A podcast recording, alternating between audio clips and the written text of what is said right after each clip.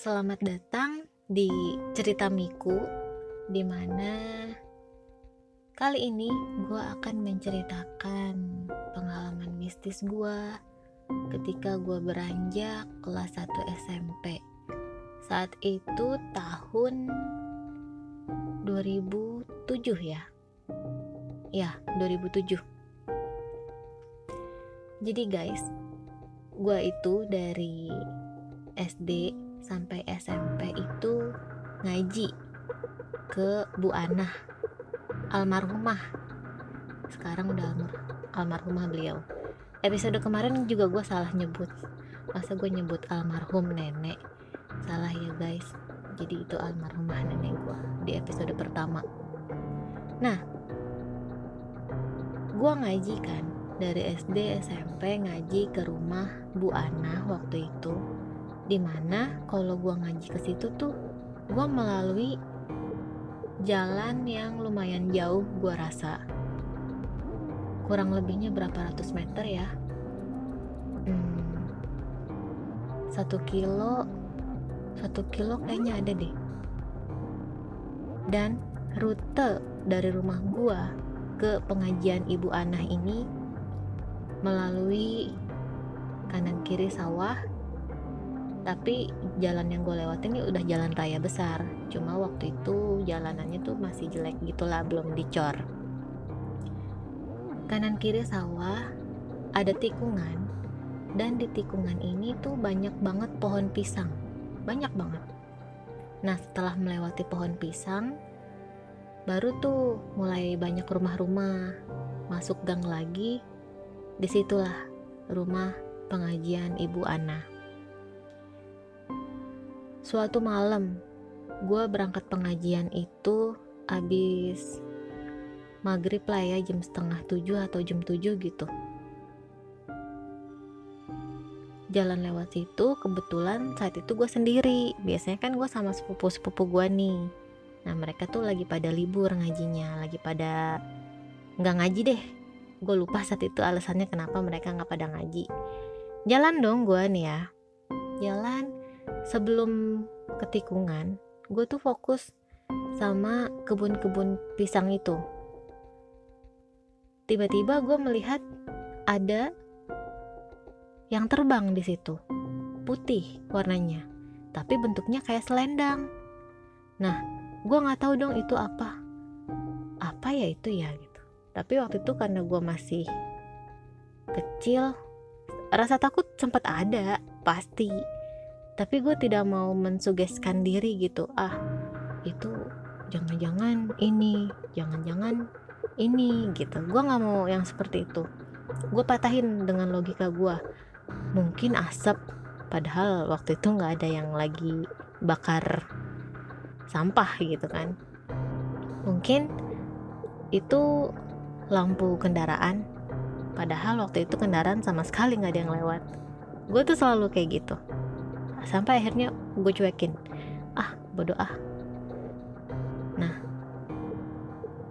Tapi kalau misalnya udah ngelewatin tikungan yang ada kebun pisangnya itu gue selalu merinding.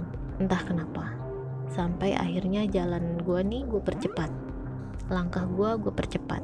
Saking gue tidak mau merasakan hal-hal merinding saat itu gitu kan dan entah kenapa gue juga bingung ya kok gue berani ya gitu padahal gue penakut nah selesai sampai di situ dulu tuh gue sering banget melihat seperti ada bayangan orang yang lewat ketika nih ya lampu kendaraan lewat itu selalu ada bayangan orang yang melintas. Tapi ketika gue lihat lagi, nggak ada orang sama sekali, nggak ada siapa-siapa. Itu gue ngeliat pakai ekor mata. Nah, di sini kan gue kayak yang apa gue salah lihat atau atau itu adalah refleksi cahaya sampai bisa membentuk orang. Gue tuh bingung, bingung banget sampai akhirnya ah udahlah udahlah mungkin benar efek cahaya.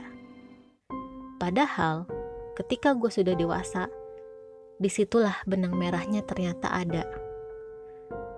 Nah hal itu kenapa? Nanti akan gue jelasin detail ketika cerita mistis gue ini sudah uh, beranjak dewasa. Nanti akan gue jelasin. Jadi sekarang gue mau mengulang hal-hal mistis yang gue alami dari zaman kecil sampai dewasa. Nah nanti itu deh nanti ketemu benang merahnya ya. Terus dari sudut mata gue nih kayak gue berasa di sebelah kanan kok kayak ada kepala. Gue tuh ngeliat kayak di atas pagar rumah tetangga gue gitu kan. Ketika jalan ngelewatin sebelah kanan gue nih kayak di kok kayak ada kepala ya pas gue lihat bukan. Ternyata itu kucing kayak ngelingkerin badannya gitu. Terus matanya nyala. Makanya gue pikir itu kepala dengan mata.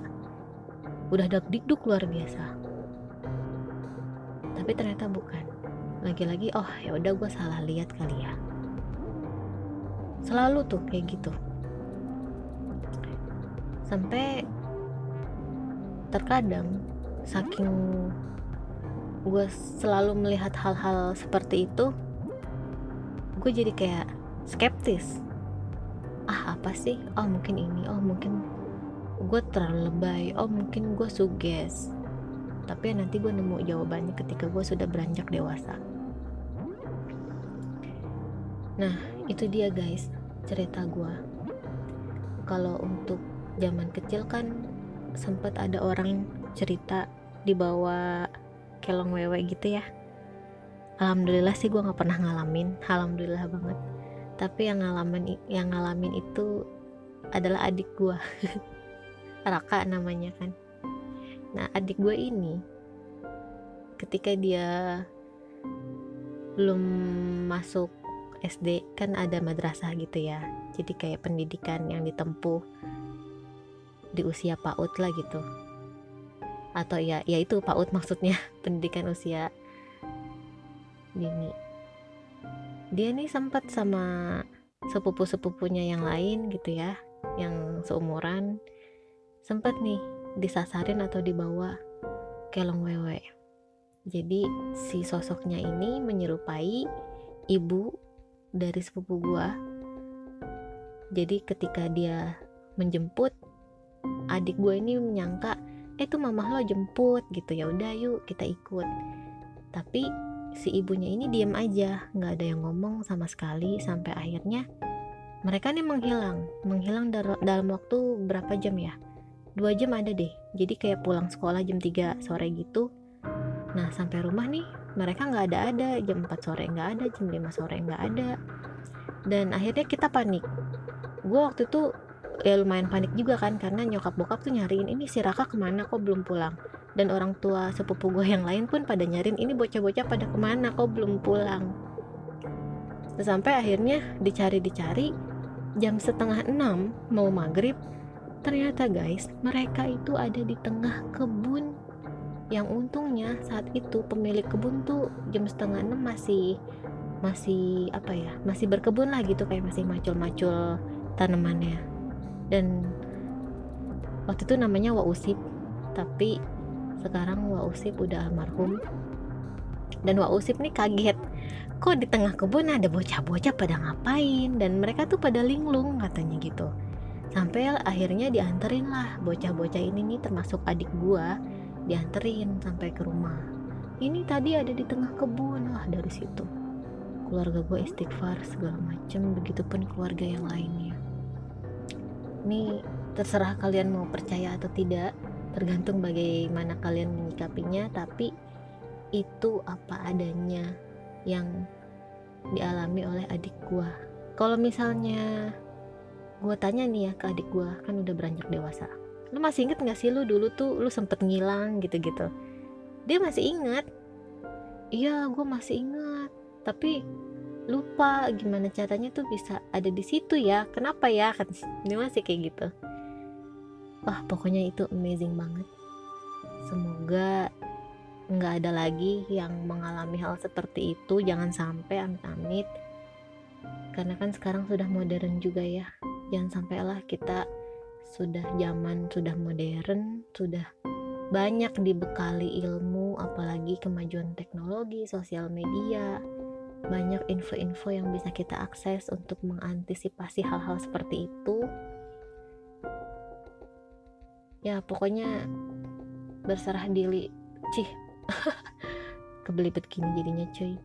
Pokoknya berserah diri kepada Tuhan kalian kepada Allah Subhanahu wa taala agar selalu dilindungi dan tidak ada lagi hal-hal seperti itu untuk gue pribadi gue sendiri ya gue cuma sebatas ngelihat yang kayak tadi aja. Tapi gue nih masih yang naif masih yang ah itu mah bukan. Ah ini mah itu ah itu mah bukan. Sampai nanti akhirnya ketika gue beranjak dewasa hal itu terjawab. Terjawabnya bagaimana? Tetap dengerin cerita gue terus biar dapat benang merahnya di mana ya. So mungkin sampai di sini aja episode kali ini. Untuk selanjutnya tetap tungguin kisah misteri yang gue alami pribadi. Based on true story no script. Gue nggak ada script script untuk ngerekam kayak gini karena gue nggak mau. Gue tipikal storytelling yang tidak mau bercerita karena script. Jadi semoga bisa dinikmati buat kalian yang suka buat kalian kalian yang nggak suka atau punya saran atau masukan ya silahkan DM ke IG gue aja di @milda kurnia 12 thank you